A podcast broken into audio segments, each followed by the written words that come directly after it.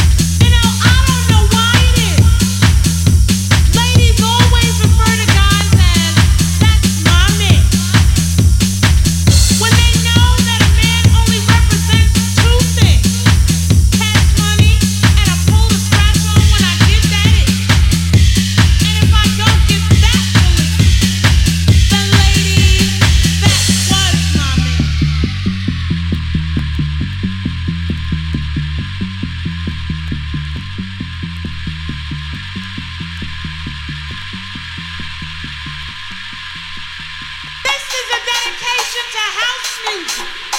What is house?